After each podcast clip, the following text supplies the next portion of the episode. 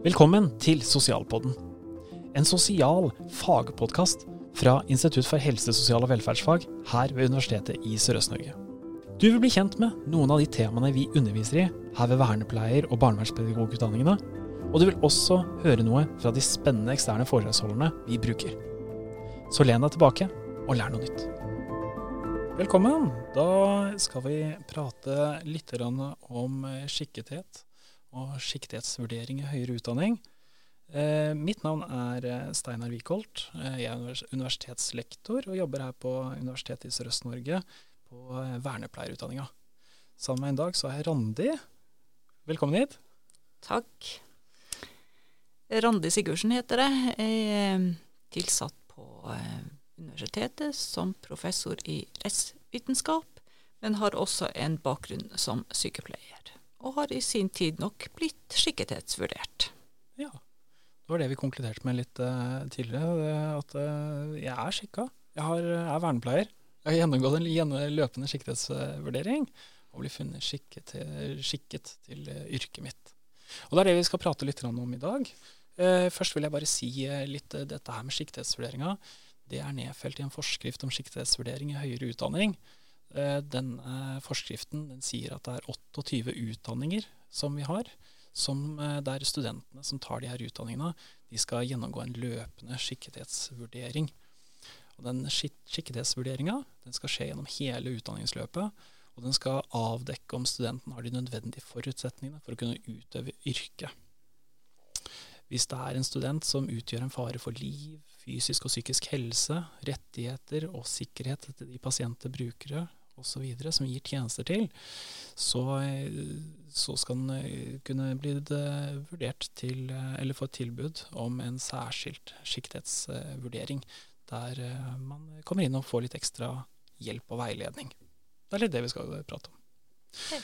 Men først, Randi, hvordan, hva er dine første tanker om skikkethet? Hva er dine assosiasjoner med, med begrepet, eller hvorfor engasjerer det deg? Det handler jo i stor grad om eh, den allmenne tillit til disse yrkesgruppene som eh, forskriften omhandler.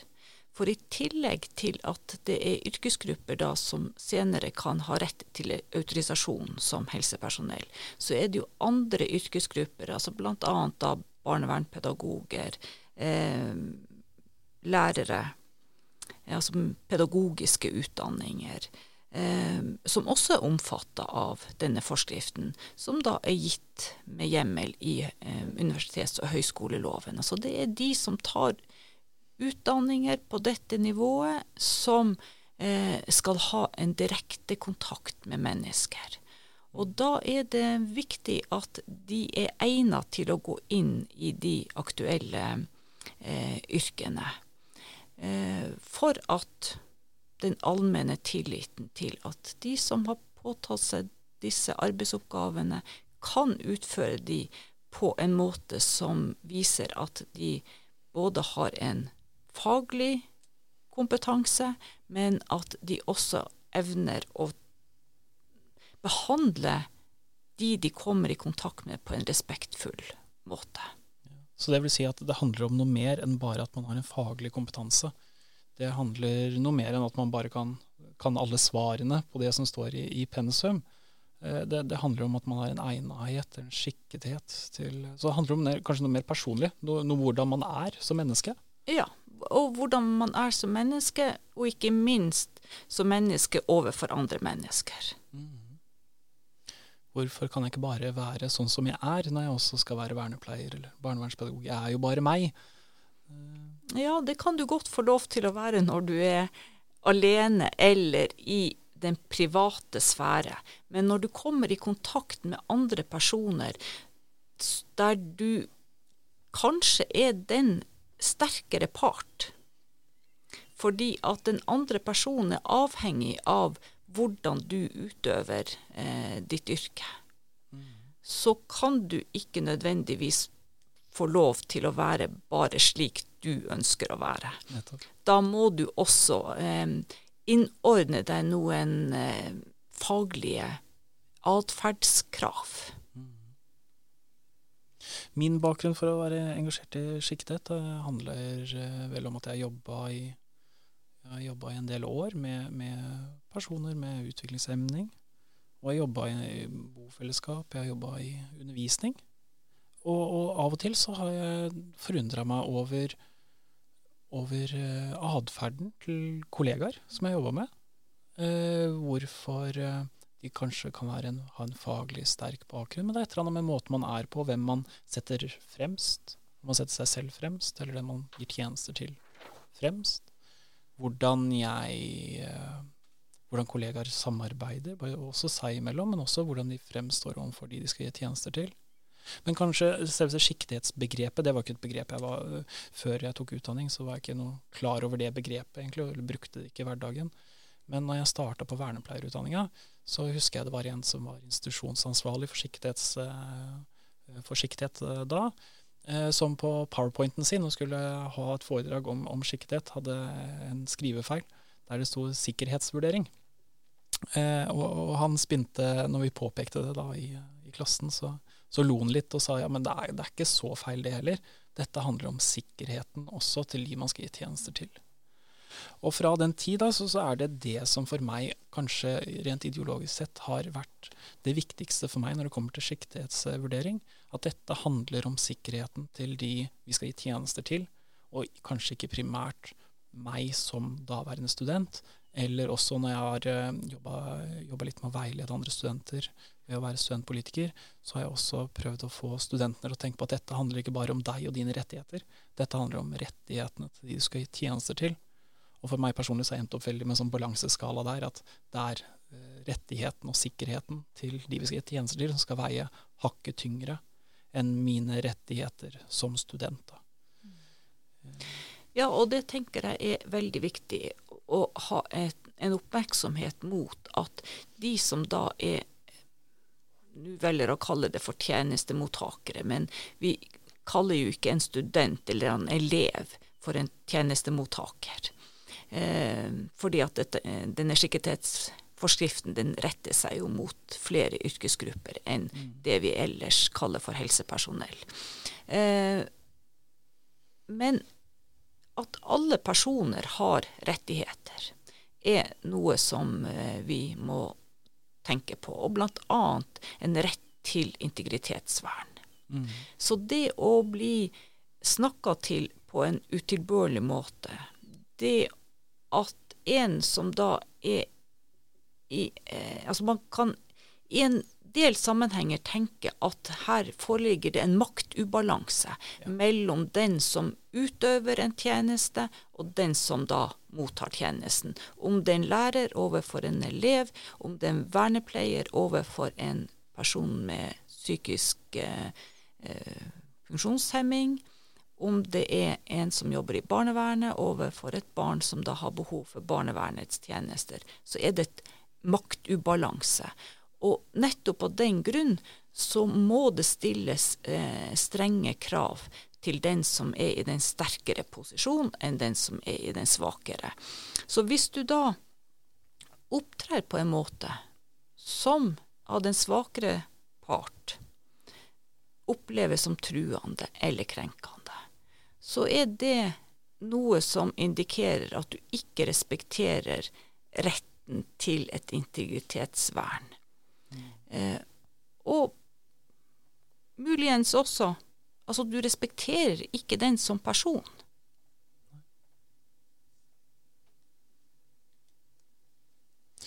Ser på, nå har jeg holdt foredrag et par ganger til studenter om siktighetsvurdering. Forskriften sier jo at alle utdanningsinstitusjoner har en plikt til å informere studentene og at de, at de er en del av en løpende siktighetsvurdering. Eh, det handler jo om at i enhver undervisningssituasjon de er i, i praksis, i gruppearbeid, i eh, kontakt med oss, eh, er i en siktighetsvurdering løpende. Men så er det også noe som heter en særskilt siktighetsvurdering. Og det handler jo om at noen sier ifra. Noen har opplevd noe. Det er studenter eller praksisveileder eller vi lærere. Vi, vi har en Det har skjedd noe som gjør at vi skal si ifra. Og da handler det jo veldig ofte om å kunne vite hvem man skal si ifra om. Eh, det enkleste kan være å prate med emneansvarlig. Prate med eh, En student kan gjerne også gå til en tillitsvalgt og, og prate. Eh, men det som jeg har erfart også, det er det at det, den tanken om at man går gjennom en løpende siktighetsvurdering, det kan få noen studenter til å tenke at de blir overvåka til enhver tid, og at de kanskje er redd for å uttrykke det de mener. F.eks. overfor meg som ansatt. For jeg er jo et maktforhold der òg, overfor studenten. Der, der eh, jeg nok har erfart at noen studenter kan være redd for å si hva de egentlig mener om et kanskje eh, betent spørsmål, eller vi trekker og problematiserer noe i undervisninga. Eh, og da tenker jeg at det er jo utrolig viktig at man ikke ser på at uh, ikke er redd for å uttrykke meningene sine, eller kunne argumentere noe annet enn det f.eks. læreren mener. Og det handler ikke om siktighetsvurdering, men om en nysgjerrighet overfor faget, eller en ønske om å belyse noe fra et annet ståsted, forstå noe annet. Og Det tenker jeg også er veldig vesentlig å understreke, fordi at det å delta i en faglig diskusjon og kunne ha motsatte oppfatninger av det som er det man kanskje kan si allment akseptert, altså komme med noen utradisjonelle innspill det må tåles i en faglig debatt. Men man må også tåle da å høre at nei, det du mener her, det er ikke det som vi ønsker skal være et uttrykk for yrkesutøvelsen til den aktuelle yrkesgruppa. Det er ikke slik vi skal opptre overfor eh, personer med en omfattende funksjonsnedsettelse eller overfor elever i småskolen dette er Å opptre på det viset som du argumenterer for, det er noe som kan oppleves som eh, lite eh, tillitvekkende. Altså det kan kanskje oppleves eh, av et barn til å være skummelt eller um, angstfylt. Og men, men altså, gjennom det å bringe opp disse spørsmålene til diskusjon, så kan man også bidra til en refleksjon rundt selvinnsikt hos flere enn seg selv. Altså Det å få fram disse problemstillingene kan være viktig for at andre også reflekterer. Eh, og mange vil jo være i starten av et studieløp nokså usikre på den rollen man skal gå inn i. Usikre på hvilke krav som forventes til hvordan man skal opptre ute i det praktiske virket. Jeg opplever også at, eh, eller Vi vet jo at vi får stadig flere og flere studenter inntil en del av de utdanningene som går rett fra videregående, som er relativt unge eh, studenter, som kanskje ikke har fått så mange erfaringer med å få tilbakemeldinger, eller kanskje ikke har fått så mange muligheter til å se seg selv fra utsiden. For en del av de her tingene handler om en evne til å evne og vilje til å kunne utvikle seg selv som person, men det avhenger jo av at noen sier ifra til deg også, sier at den måten du er på nå, den får meg til å føle, eller at noen sier at i eh, denne situasjonen så, så virker det på meg som at du er sint. Og så kan det hende det handler om frustrasjon, f.eks. Mm. Jeg tenker at når jeg har fulgt studenter gjennom uh, veiledning, uh, så, så, har jo studenter også kommet uh, inn og sagt at dette var noe nytt for meg. Det er ingen som har sagt ifra. Jeg visste ikke at jeg, når jeg ble veldig usikker i en profesjonell rolle, at jeg kunne oppfattes som aggressiv eller nedlatende, f.eks. For, eksempel, for jeg har ikke fått den tilbakemeldinga. Jeg, jeg klarer ikke å se det selv. Men nå har jeg fått hjelp til å se det, for nå forstår jeg meg selv bedre. Og du kan jo også eh, se for deg at når du er usikker ute i møte med en virkelighet som du ikke har noe erfaring fra tidligere, som jo f.eks.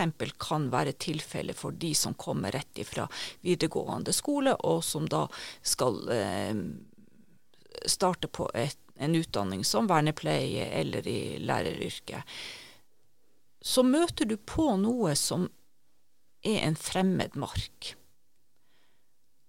Og da kan det hende at du blir passiv. du handler ikke slik det er forventa at du skal handle eh, overfor eh, den personen du skal bistå.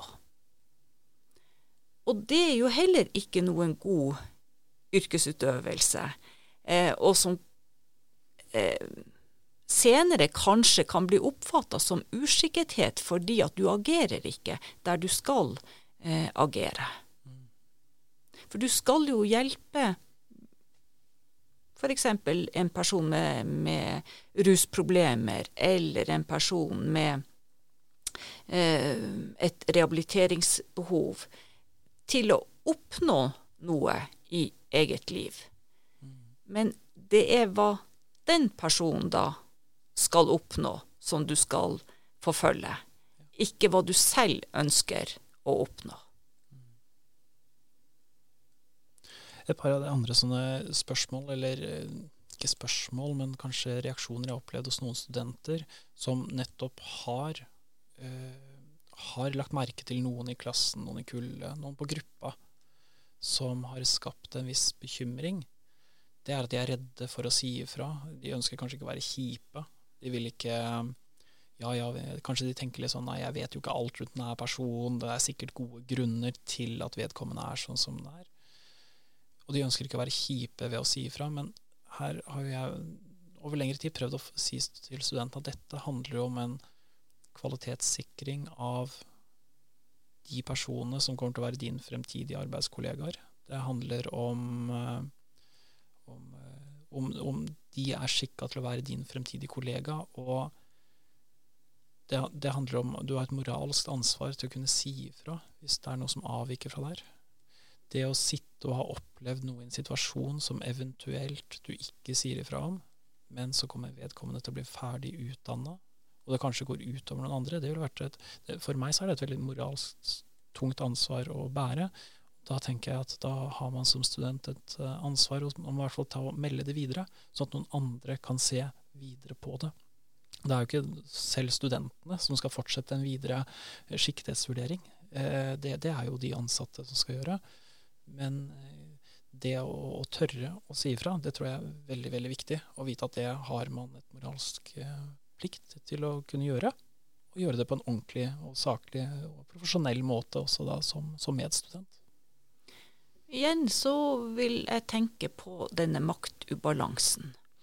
Eh, at en utviser en lojalitet mot den som da er i den svakere eh, posisjonen. Og av den grunn også eh, tar opp det som er vanskelig. For det kan jo være at det er en grunn til at en person har opptrådt på et vis som man reagerer på. Men ved at det er noen som tar det opp med personen, så får personen også mulighet til å endre på sin eh, atferd. Hvis ingen tar det opp, så har du heller ikke noen mulighet til å få gjort noen endringer. Så, det, så lenge personen da utviser en både evne og en vilje til å foreta kursendringer, så går det jo mot den riktige siden. Så av den grunn så Det betyr nødvendigvis ikke at man påfører en belastning til en person hvis man eh, tar opp problematiske ting. Det kan tvert imot være en hjelp i et eh, litt lengre perspektiv. Men det handler jo da også om hvordan man tar det opp. Eh, at det er Man kan vise til konkrete eh, ting, altså så konkret som mulig. Observasjoner man har gjort, hvordan ting har blitt sagt, eh, hvilken kropps holdning man f.eks. Eh, utviser. Altså så konkret som mulig. Og så tror jeg jo at det kan være veldig vanskelig å bringe dette her videre. Men samtidig så tenker jeg det at man skal være litt forsiktig med hvem og hvor mange man snakker med når man skal bringe videre eh, slike mer ømtålige eh, personopplysninger. Absolutt. For eh, det bør jo ikke bli et samtaleemne mellom studenter. Eh, for det, det, er jo litt det at plutselig så, så, er det alle vet om den ene, eller alle prater om den ene som oppfører seg litt annerledes, og så blir det nesten heller en mobbesak. det skal det ikke være. Nei, det blir heller en mobbesak fremfor at det faktisk er noen som har opplevd noe. De melder det videre til eh, universitetet. Da. Det er jo vi som er ansvarlig for, for løpende siktighetsvurderinga, og det er vi etter det da som, som følger opp uh, saken etter de retningslinjene vi har. En annen ting også, litt sånn avslutningsvis, det er jo de her eh, eh, Det å faktisk bli innkalt til en samtale. At en student kan tenke og, og, eller bli veldig redd. Nå, nå, nå, er løpet kjørt. Jeg ble innkalt til en samtale. Eh, og der, der, er det jo de, de, samtalene som kanskje blir tatt tidlig. De som blir tatt over en Kanskje at det er litt lavere terskel for at vi ansatte også innkaller til samtaler. En sånn tidlig samtale. Eh, det kan ofte løse opp i ting veldig tidlig i et utdanningsløp. Eh, så min oppfordring har vært når vi prater oss ansatte imellom, at vi, vi prøver ofte å innkalle til de samtalene eh, av og til, også før vi har fått en, en, en tvilsmelding eller noe veldig formelt, men at vi i hvert fall har en samtale først, der vi sier at her er det noen ting som vi kanskje lurer litt på. Vi har opplevd dette. Hva, er, hva, hva tenker du selv om det? Og Veldig ofte så kan ting være løst bare med den ene samtalen, som det også da blir skrevet et lite referat av, som, som den andre, som studenten også uh, leser gjennom og sier seg enig om at dette var det vi hadde og, og har prata om. Og så, uh, og så, går vi videre derfra, og så er veldig ofte det, det, var det som skulle til. Nettopp at man torde å ta den samtalen veldig tidlig. Og da, da er det flere studenter som gir tilbakemelding om at dette var noe jeg trengte også. Eh, alternativet er jo kanskje det at man får en liten realitetsorientering. Er dette yrket det jeg egentlig skulle, skulle bli? Var dette noe for meg? For det er jo en annen, annen side ut av det. At det å ha en, eh, bli funnet kanskje at det er en tvil om skikketheten din, det betyr jo ikke at du er uegna for å jobbe i arbeidslivet i Norge. Det handler jo om at du, du, du da kanskje ikke er så skikka til denne utdanninga. Men det finnes jo mange andre utdanninger som du gjerne kanskje kunne egne deg flott til å jobbe i. Eh, og kanskje det er en annen utdanning som er bedre for deg. Ja, og det er noe spesielt med de utdanningene som retter seg mot å arbeide så tett mot andre mennesker. Og det er ikke alle gitt eh, å ha en personlighet som gjør at du på en hva jeg vil kalle det, en grei måte kan eh, omgås personer som er ulik deg selv, som eh, Og du må kunne omstille deg til å eh, ha kontakt med ulike personer. Vi er ulike som personligheter, eh, og det, det er ikke noe galt med noen person som da finner at nei, det å ha et yrke i flere tiår framover som betyr at jeg skal være nødt til å ha en så nær kontakt med andre mennesker. Nei, det er ikke det jeg ser for meg at jeg skal bruke yrkeslivet mitt til. Det er ikke noen, det er ikke noe nederlag ja. å komme til en, en, slik beslutning. Absolutt ikke. Og, og det kommer inn til sånn avslutningsvis eh, litt, litt sånn refleksjonsspørsmål til de som, eh, de som hører på eh, fram til man går videre i en undervisning nå rundt skikkethet, eller samtaler i grupper rundt skikkethet, eh, så kan det være lurt å stille seg selv kanskje et par spørsmål nå som man har fått en liten introduksjon til hva skikkethet handler om. Og det ene spørsmålet som vi gjerne ønsker at de som lytter på, tenker litt om, det er hvis du nå tenker over deg selv, med all erfaringa du har fra livet, hvem du er, hvordan du kjenner deg selv, er det noen sider ved deg selv som du tror kanskje andre personer ville fundert litt på, eller tenkt litt Det var litt rart. Hvorfor er, hvorfor er den personen sånn som den er? Det å tenke over din egen væremåte i hverdagen, eller kanskje din egen væremåte i pressa situasjoner. Eh, om det er noen ting der som andre kanskje ville stussa litt over, da. Ja, og jeg vil eh, også tenke at det er relevant at man har eh, reflektert litt over hva er det som man vil reagere på hos andre? Og hva er det som vil kunne være utløsende med tanke på å kontakte eh, universitetet? Og gjerne da den som er emneansvarlig med sine bekymringer. Altså hva, hva får en til å stusse? Og med det så tror jeg vi skal avslutte. Tusen takk, Randi, for at du var med. Og til alle de som har hørt på, lykke til videre.